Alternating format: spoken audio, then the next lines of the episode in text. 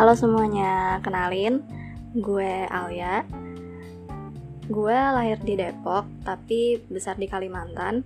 Dan saat ini gue menempuh pendidikan di University Teknologi Malaysia, jurusan Psikologi with HRD.